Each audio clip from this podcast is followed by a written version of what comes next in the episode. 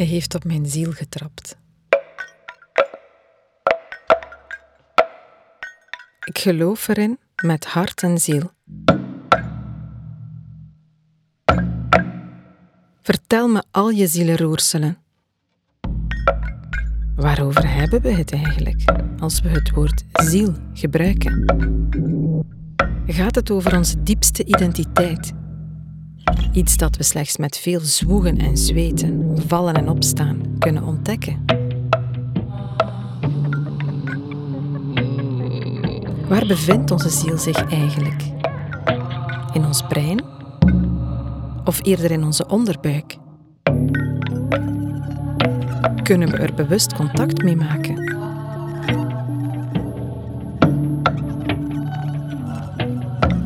Hoe kunnen we leven in overeenstemming met ons zielenpad? En zit daar dan het opperste geluk? Extase. Ik wil weten wat het is en hoe ik het kan bereiken.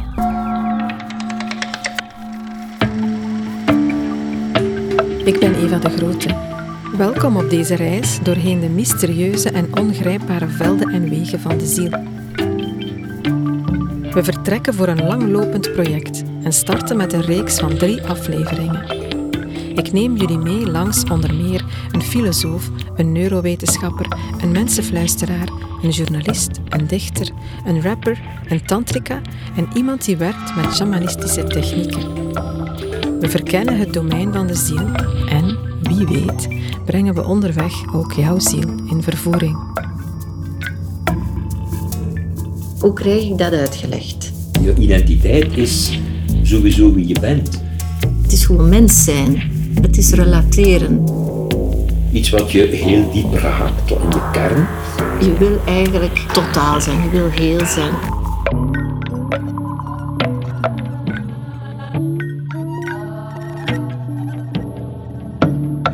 Welkom bij de eerste aflevering van Ziel. Een oceanisch gevoel.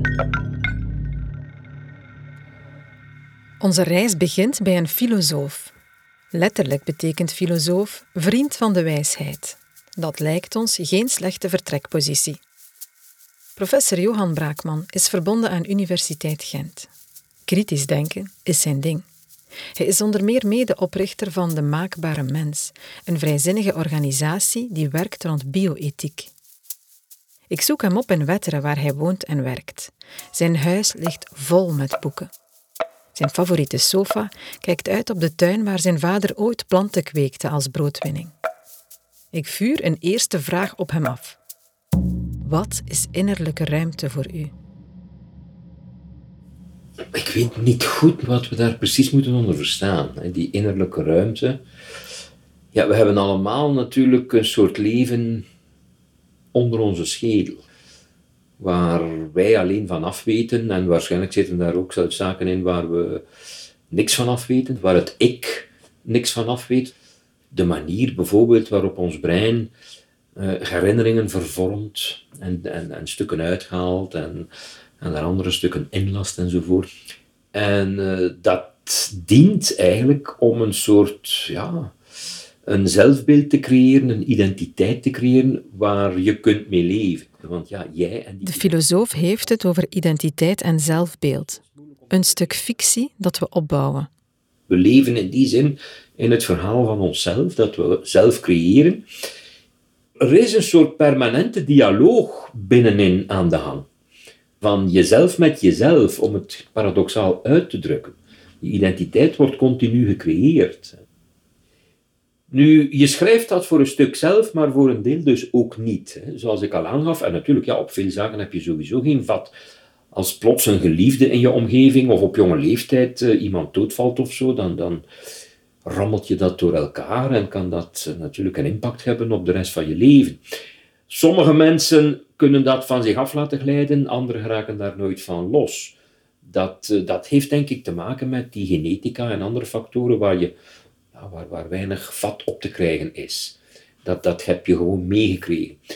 Nu, men heeft soms de neiging om dat als iets negatiefs te zien, maar ik zie dat zelf niet zo. Dit is gewoon, ja, de fundering van het huis waarin je leeft. Hè. Eh, mocht je dat niet hebben, dan, dan kun je niet eens een huis hebben. Hè. Maar de ene persoon heeft daar wel wat meer geluk in dan de andere.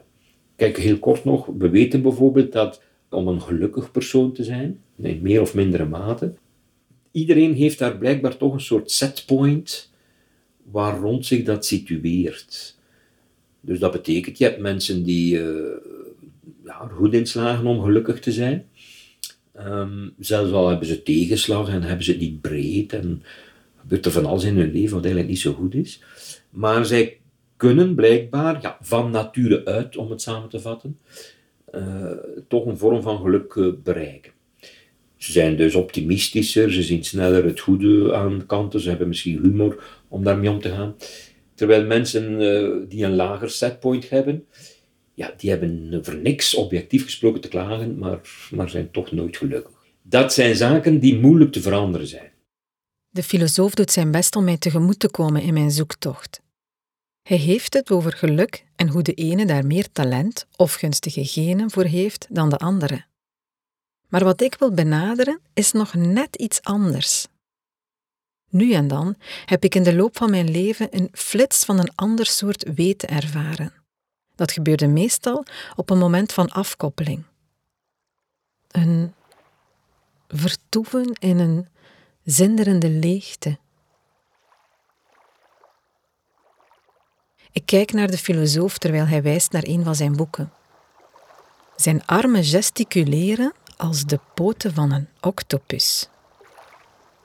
Ik verander zelf ook in een octopus.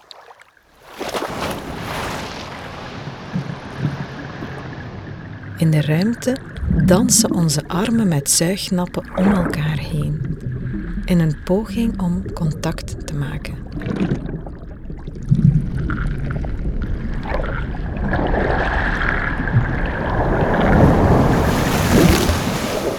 Maar goed, ik wijk misschien af van je vraag over die innerlijke ruimte, maar daar gaat het wel over. Dit, dit speelt zich voortdurend in ons hoofd af. Het is dus een dialoog met jezelf en, en gaandeweg ontstaat er een verhaal. En in dat verhaal leef je. En dat verhaal is natuurlijk voor onvermijdelijk voor een stuk fictie. Fictie, ja. Maar dat verhaal dat je zelf maakt, lijkt me toch altijd nog maar een beperkt deel van dat grotere dat er is en waar ik naar op zoek ben. Maar ja, het is wat het is. Ik bedoel, ja, wat, wat, wat wil je? Je kunt niet een oneindig verhaal hebben natuurlijk. Je identiteit is sowieso wie je bent. Je identiteit is sowieso wie je bent. Voor mij voelt dat anders. De constructie van wie of wat ik ben voelt eerder als een buitenschil, met daarbinnen een kern. Iets essentieel. Een puur bewustzijn. Een puur zijn.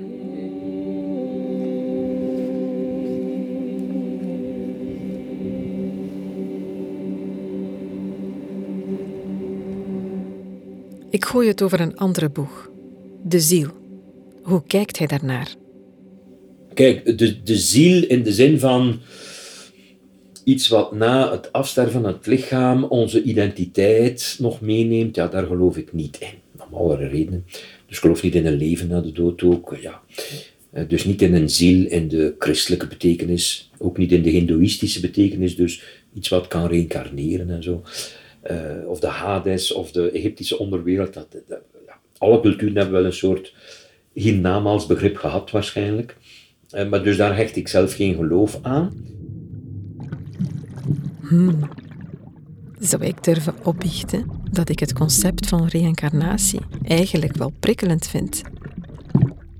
Onze octopusarmen blijven rond elkaar bewegen, zonder een plaats van contact te vinden. Maar je kunt het natuurlijk op een metaforische manier gebruiken. Zo, hij raakte mij tot in mijn ziel. Of uh, ze werd in, in haar ziel getroffen of zo. Ja, natuurlijk. Metaforisch. Hij heeft het over ontroering. Dat is dus wanneer hij contact voelt met zijn ziel. Iets wat je heel diep raakt, in je kern. Iets waarvan je kunt zeggen, kijk, ik ben blij dat ik leef in een tijd en in een context en, en het vermogen heb om dit te kunnen appreciëren. Moest ik voor Bach en Mozart geleefd hebben, dan had ik Bach en Mozart niet kunnen leren kennen. Maar dan was mijn leven armer geweest. En ik prijs mij gelukkig dat ik iemand ben die, die daar kan van genieten. Zoals ik ook van een wiskundige stelling kan genieten hoor. Dus uh, als ik uh, Euclides lees. Euclides was een wiskundige die leefde ongeveer 300 voor Christus. Hij wordt de vader van de meetkunde genoemd.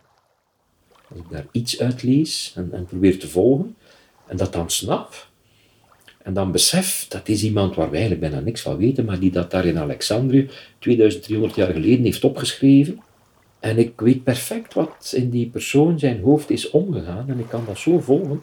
Dat vind ik fantastisch, dat is ontroerend, dat is een soort spirituele ervaring. De connectie, je verbonden weer, zo'n oceanisch gevoel bijna. Een oceanisch gevoel. Een brug in de tijd die ontroert. Dus dat raakt de filosoof tot in zijn diepste binnenste. Ik kaart nog een thema aan. Er vond op een zeker moment in de geschiedenis een onttovering plaats, dat wordt de disenchantment of the world genoemd. Ik vraag me wel eens af, zijn we naast alle waardevolle zaken die het verlichtingsdenken bracht, ook niet iets kwijtgeraakt? Ja, ik geloof daar niet zo in.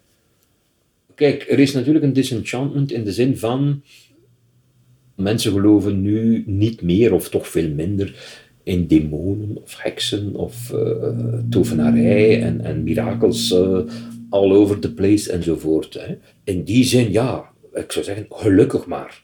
Hè. Sinds de ontwikkeling van 16e, 17e, 18e eeuw, de, de wetenschap en dan uh, ja, het verlichtingsdenken enzovoort, is dat langzaam maar zeker wel verminderd eigenlijk die, die enchantment, ja, een, een minder mooi woord daarvoor is bijgeloven. Uh, dus in die zin prijs ik mij zeer gelukkig dat dat is verdwenen. Dat is nog niet helemaal weg.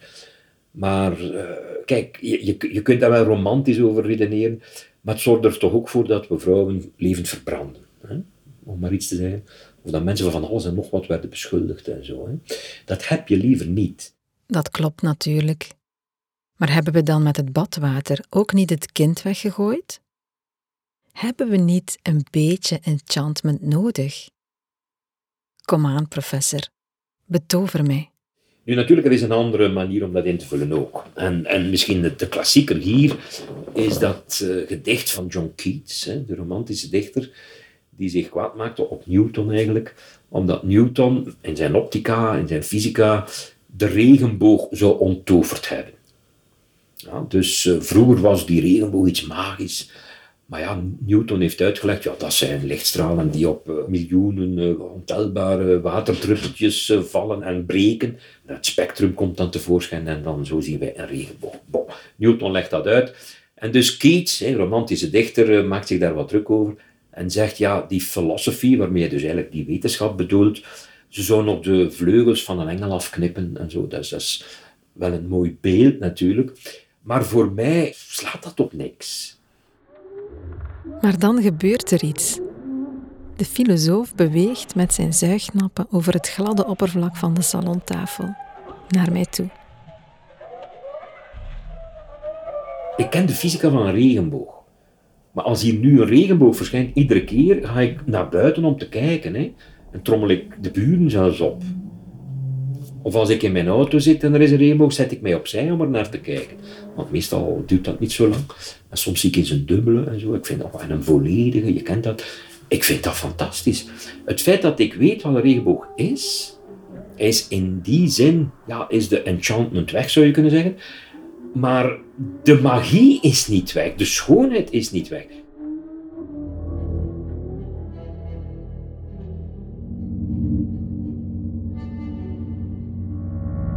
In het Japans boeddhisme verwijst de term satori naar een moment van ontwaken, een moment dat je in een flits iets diepers hebt aangevoeld zonder het ten volle te begrijpen. Een moment dat je tot in je ziel werd geraakt. Goh, ja, ik heb wel zo momenten of, of belevenissen gehad die, maar ik weet niet exact of men dat daarmee bedoelt. Want voor mij is dat ondoorgrondelijk. Ik, ik ben daar helemaal niet mee vertrouwd. Wij zijn westerlingen, dus het is moeilijk om je vinger daarop te leggen. Uh, ik ben in de Verenigde Staten geweest, uh, Death Valley. een woestijn in Californië. En uh, ja, dat is een hele wonderlijke plek. Een zeer hete plek, een zoutwoestijn zo. En uh, je kunt daar naar, naar boven rijden. En dan, dan sta je op bepaalde punten zo, die een naam hebben, zoals Zabriskie Point is zo'n bepaald punt waar je kunt parkeren. En dan ja, wandel je naar omhoog en dan kijk je uit over de vallei, over Dead Valley. En het is daar muisstil. Je kunt daar een vlieg meters ver horen zoomen zo. Uh, ja, de elementen daar, de hitte, uh, de, de. Het bijzondere van die plek ook, hè, dat is een uniek iets, zo het heetste punt, een van de heetste punten op aarde zelfs. Um, ja, automatisch kom je daar ja, tot een gevoel van beperktheid als mens, kleinheid zo. Je weet ook, het is ook een heel vijandige plek. Als je daar verdwaalt, en dat gebeurt ieder jaar, ja, dan ben je snel dood. Hè. Of als je geen water meer hebt of zo, of alleen bent. Dus, uh, dus dat, uh, dat brengt ook wel een soort bescheidenheid mee, in een zekere zin. Maar gelukkig staat je auto daar. Hè. Dus uh, dat, dat gaat allemaal wel door je hoofd. Maar dat zijn zo van die momenten die... ja, je staat daar ook geen uren, hè, maar stel, je staat daar een half uur, een uur. Maar dat blijf je dan toch voor de rest van je leven bij. Tijd om af te ronden. De eerste stappen in dit onderzoek naar ziel zijn gezet. Al hadden de filosoof en ik het niet altijd makkelijk om elkaar te vinden.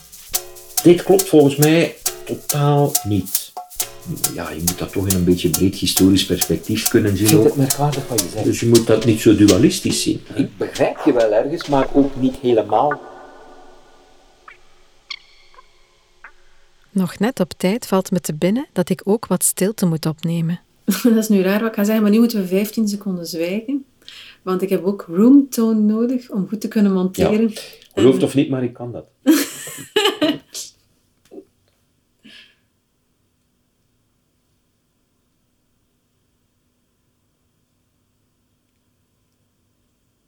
In de stilte omhelzen onze octopussen elkaar.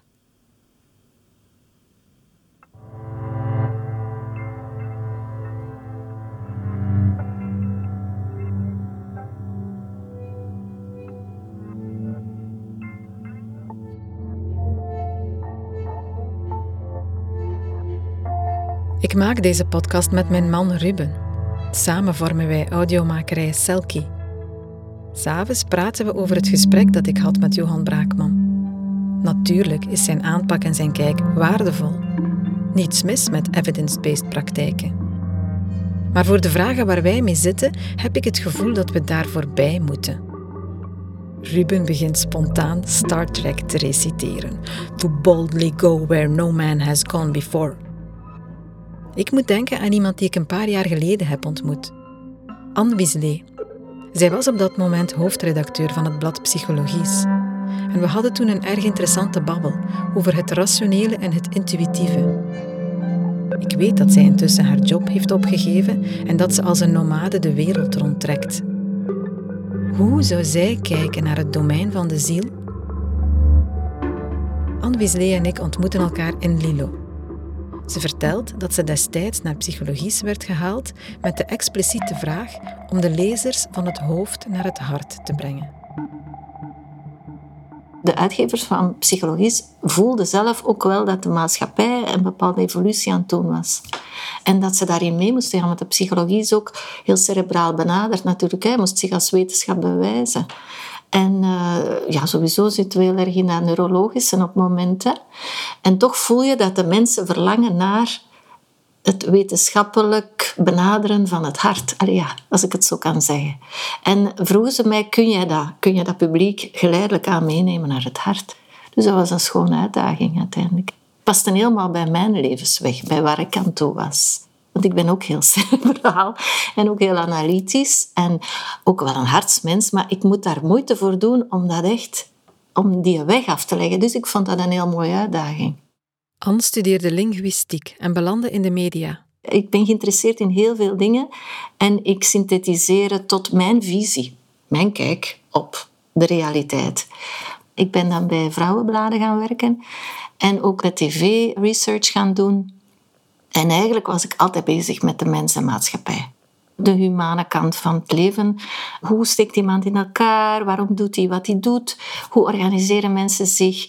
Hoe plaatsen mensen zich in een groter geheel? In haar beginjaren als redacteur werd Anne regelmatig op thema's gezet die ver van haar bed stonden. Ik herinner mij nog dat ik bij Libel werkte. En dan kreeg ik van de hoofdredacteur stapels boeken op mijn bureau. En dan zei hij, zoek eens uit of daar een artikel in zit. En ik herinner mij zo'n boek, uh, een gesprek met de engel of zoiets. Of met mijn engel. Of... Ik weet nog heel goed dat ik toen dacht, oh nee, wat een bullshit hebben ze hier op mijn bureau gegooid. Dus ik ben blij dat ik mij dat zelf herinner van mezelf. Dat ik dat bullshit vond. Omdat ik dat nu geen bullshit meer vind. En denk ik, ah tja, dat is bizar. Waarom ben ik overgegaan van het een naar dat... dat is geleidelijk aan gebeurd, hè. De weg er naartoe was, open je hart aan. Dit zijn zinnige mensen, je ziet dat, je voelt dat, je hoort dat. Het zijn intelligente mensen. Die hebben iets te vertellen dat jij nog niet weet. Of dat jij niet snapt. Of wat jij niet aan kan. En zo ja, ben ik dat veld ingestapt. Anne deed maandenlang onderzoek naar zelfontwikkeling en kwam in contact met boeiende mensen en onderwerpen. Op een zeker moment besefte ze dat ze enkel haar hoofd had gevoed en geen tijd had genomen voor integratie, voor het doorvoelen van wat ze gelezen en gehoord had. En toen ben ik een soort workshops gaan volgen van wie ben ik, wat wil ik, weet je wel, de basis van zelfkennis. En toen ontdekte ik dat ik afgesneden was van mezelf, van anderen, van de aarde en van de hemel. Zo zeiden ze mij. Ik dacht dat wel, merci. Dus ik mocht terug in verbinding gaan. En uiteindelijk is verbinding een van de basiskenmerken als je het over het spirituele wil hebben. Want dat woord gebruik ik eigenlijk heel weinig, spiritualiteit. Daar zit zo'n grote connotatie aan. Maar het is gewoon mens zijn. Het is relateren. Maar ik was blijkbaar afgesneden van alles wat je kunt ingerelateerd zijn, inclusief mezelf. En ik heb ontdekt dat mijn ratio daartussen was gekropen. Hè. Dus een soort te gevoelig kind dat de wereld niet begreep, dat te emotioneel was, te fijngevoelig. En ik ben in mijn hoofd geschoten. En ik heb alles via mijn hoofd proberen te begrijpen. En ik heb vooral gaan invoelen, wat hebben andere mensen nodig van mij? Ik ga daaraan beantwoorden. Voilà. Dus ik conformeerde mij volledig. En dat maakte dat ik afgesloten was van alles in wezen.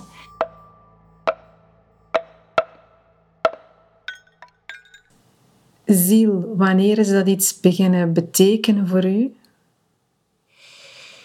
Ja, het begon eigenlijk bij die cursussen die ik volgde, omdat we daar informatie kregen van je hebt je persoonlijkheid en die wil van alles, je ego, dus eigenlijk je geconditioneerde persoon die door de opvoeding bepaalde aspecten van zichzelf heeft moeten wegduwen, die niet gewenst waren, uh, die geen bevestiging kregen, ja, die duw je dan de schaduw in. En uh, daar kijk je niet meer naar totdat je eigenlijk ook niet meer weet dat die aspecten deel zijn van je persoon. En dan kom je die in je leven op een andere manier tegen.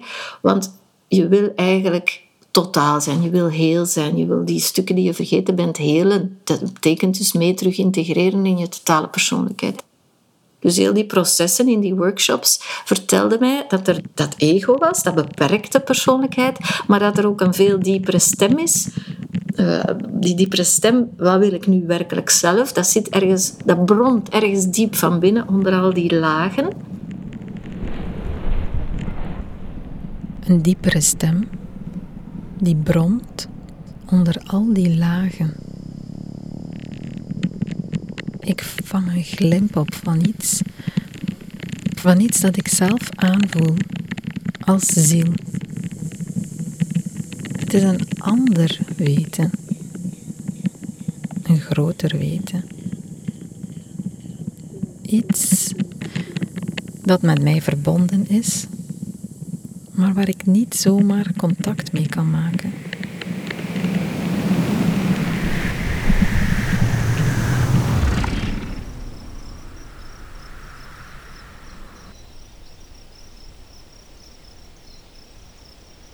Ik zit op een afgelegen bankje bij het bos. Ik kijk naar de boomkruinen. Ze wiegen in de wind. Onder mij voel ik de aarde. Boven mij de hemel. Ik en vol tegelijk. Precies op de juiste plaats, op het juiste moment. Ik doe niks. Ik ben.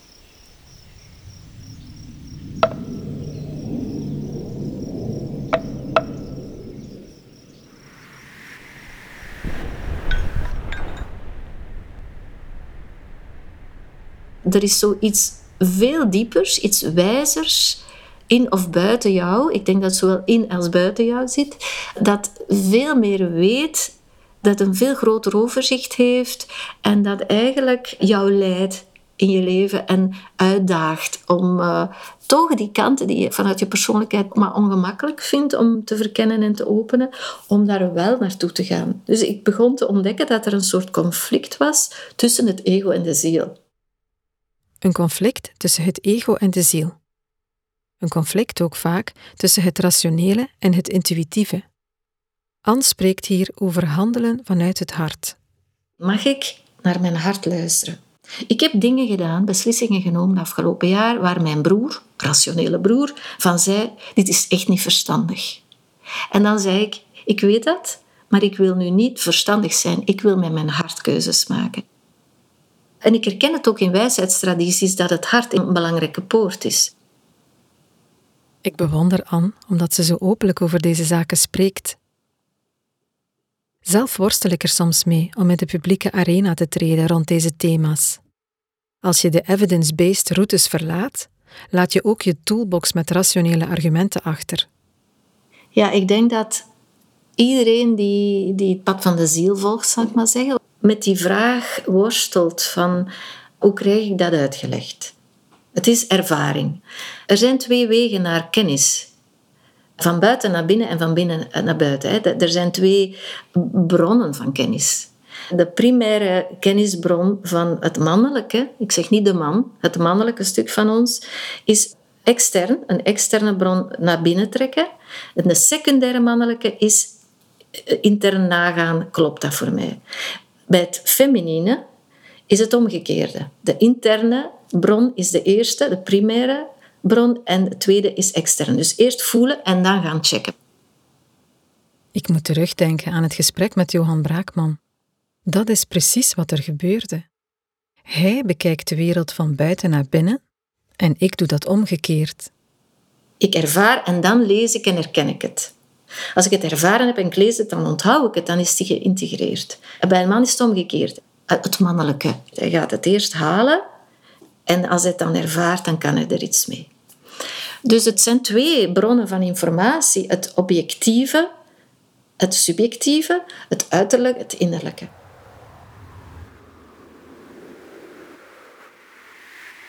Dat is dus wat mij de ganse tijd overkomt een ander weten dat opborrelt. Een innerlijke kennis. Ergens wist ik het. Er is een bron van kennis diep in mij. Een bron die mij stuurt. Ik denk dat dat gewoon twee waardevolle informatiebronnen zijn die in balans moeten komen met elkaar. Maar sinds de verlichting is de focus heel erg op het cerebrale, de wetenschap, de rationele kennis, de empirische waarneming was ook een geweldig veld om te ontdekken en, en, en, en ook uh, prachtige methoden om, om te leren over het leven en de wereld. En nu komt er natuurlijk de schaduwkant tegen, dat als we te extreem in die richting gaan, dan ontbreekt er, oh, zeker toen we dan de religie loslieten, ontbreekt er een heel ander stuk, namelijk de, de subjectieve waarneming, de subjectieve kennis ook, de gnostiek. En als dat totaal wegvalt uit een samenleving, dan verarmt die samenleving en draait die zot in het hoofd. Het lijkt er inderdaad op dat verschillende van onze systemen vandaag enorm onder druk staan. We hebben onze samenleving georganiseerd volgens mannelijke systemen en mannelijk denken. We hebben ons verwijderd van de domeinen van de ziel. Nu botsen we op de grenzen daarvan. Zou het kunnen dat een vrouwelijke benadering van de wereld, of een bewustzijn dat vertrekt vanuit dat innerlijk weten, ons niet alleen dichterbij kan brengen in onze zoektocht naar de ziel, maar ook antwoorden kan brengen voor de complexe vraagstukken waar we ons vandaag in de samenleving mee geconfronteerd zien? Dus voor mij, eh, mijn weg gaat erom, en dat is echt een tough one voor een vrouw, om uiteindelijk te gaan durven spreken vanuit die innerlijke kennis. En vanuit het besef van het belang ervan. Dat is wat mij de moed geeft om erover te spreken. Ik krijg een krop in mijn keel. Ineens besef ik dat mijn drijfveer om deze podcast te maken dezelfde is als die van Anne. Een sterk aanvoelen dat we er vandaag niet langer komen met enkel onze rationele benaderingen. En dat we de veilige havens van dat wat we kennen en begrijpen mogen verlaten om nieuwe terreinen te ontdekken. Het is echt een moeilijk parcours, zeker als je uit de journalistiek komt, dat je beseft van je gaat daar geweldig op afgerekend worden, of je kan daar geweldig op afgerekend worden. En dat is ook een van die valse houvasten die ik los te laten heb. Onlangs kreeg ik een uitdaging dat iemand vroeg, waar ben je nu zo bang voor? En ik zei, het was een Engels gesprek, to lose my credibility. En dan zei hij, throw it in the fire. Gooi het weg. Want als je het, het, het verlangen naar credibiliteit maakt dat je je blijft conformeren naar de wetten van de wereld die je eigenlijk te transformeren hebt. En je moet de wetten van de authenticiteit volgen. Dus in plaats van credibiliteit, authenticiteit. Want dan gaat je boodschap pas gehoord worden.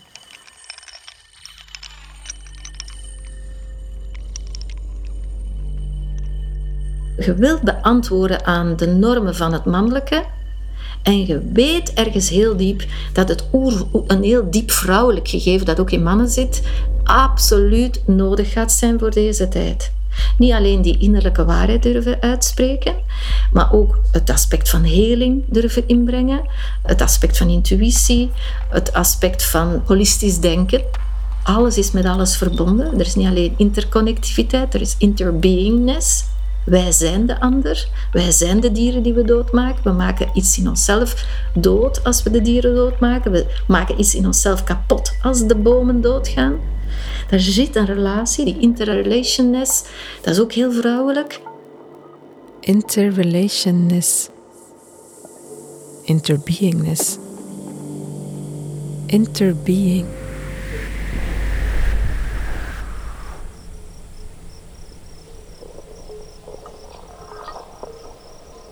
Het is ochtend. Het gras rondom mij is groen en sappig. Het vibreert van levenskracht. Ik ben een waterdruppel, balancerend op een sprietje, licht trillend. En dan ineens glijd ik de aarde in. Los op in de grond.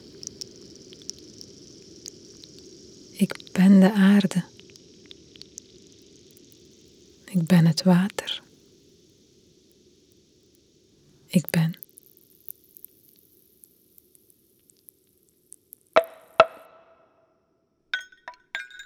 Er zijn heel veel aspecten van het vrouwelijke, dat ook in de man zit, dat blijf ik herhalen, maar dat niet getraind wordt, of waar vrouwen makkelijker, natuurlijker toegang toe hebben, die absoluut nodig zijn voor deze samenleving en voor de crisis waar we in zitten. Ik wou zeggen waar we voor staan, maar we zitten er middenin. Heel lang, in middens die nadachten over die dingen, werd er voorspeld dat deze tijd eraan kwam en dat we voorbereid werden op deze tijd. Om er te staan in al onze rust, in ons bekken, in ons hart, in ons lichaam.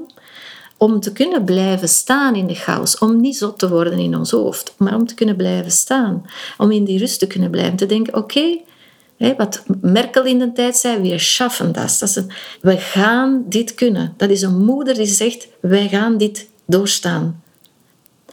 En dat hebben wij nodig. Het vrouwelijk collectief dat zegt, het wordt moeilijk, maar we schaffen dat. Wij kunnen dit, omdat we geaard zijn, omdat we in ons bekken zitten, omdat we kunnen omgaan met ziekte en dood, omdat we kunnen blijven glimlachen, omdat we kunnen blijven relativeren, omdat we kunnen blijven liefhebben ondanks de crisis.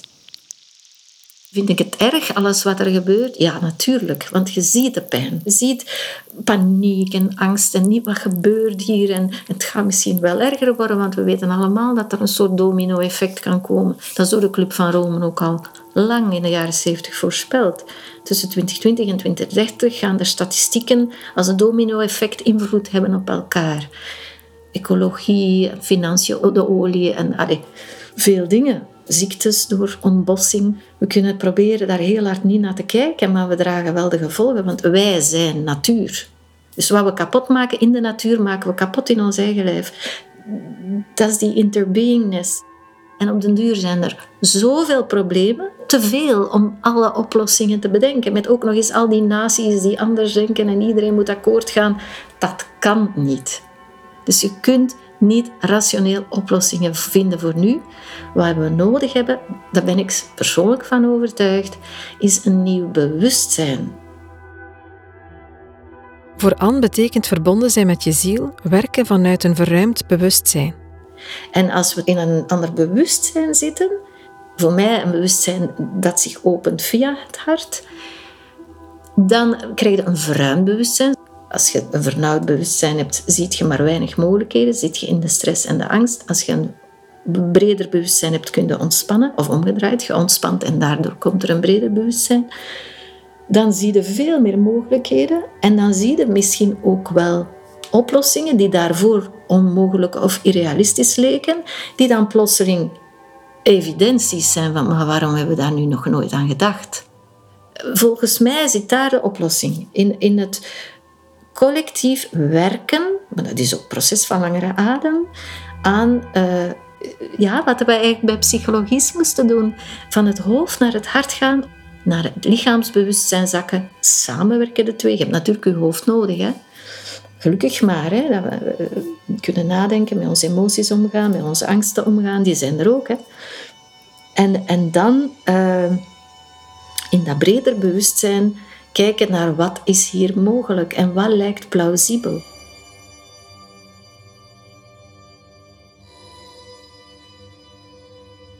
Dit is zo. Ja, dit is een soort diepe doorleefde aha. Zo, um, het blijft voortschrijdend inzicht, maar er zijn dingen waar je van weet, dat pakken ze mij niet meer af, want ik heb het doorvoeld. Een diepere waarheid of zo over het leven. Ja.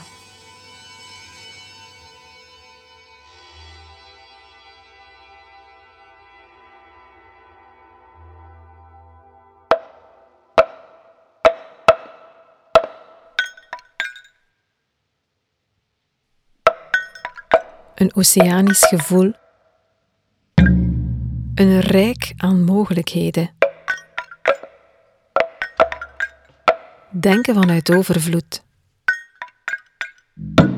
verruimd bewustzijn, deel zijn van een collectief veld, het weten van het lichaam, leven vanuit het hart.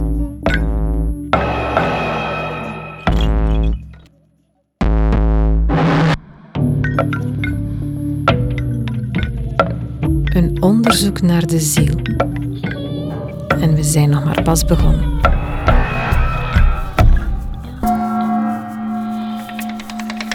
Ziel is een podcast van Selkie, de audiomakerij van Ruben Nachtergalen en Eva de Grote.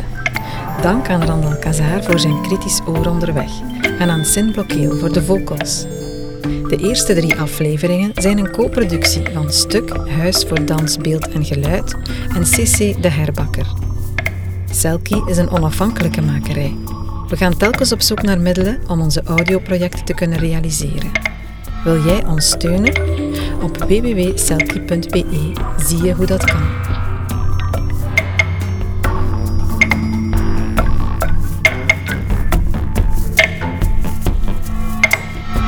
We geven je graag nog een bonus mee. Wout is een geleide meditatie die we maakten met de steun van Kunstencentrum Kaap. Zoek een rustig plekje waar je niet gestoord wordt. Gebruik bij voorkeur een koptelefoon. Zet de meldingen op je telefoon of computer af en ga comfortabel zitten. Bij het begin hoor je een bel. De meditatie begint daarna met stille geluiden. Sluit je ogen voor een meer intense ervaring. Op het einde hoor je opnieuw een bel. Woud duurt 23 minuten. Goeie reis.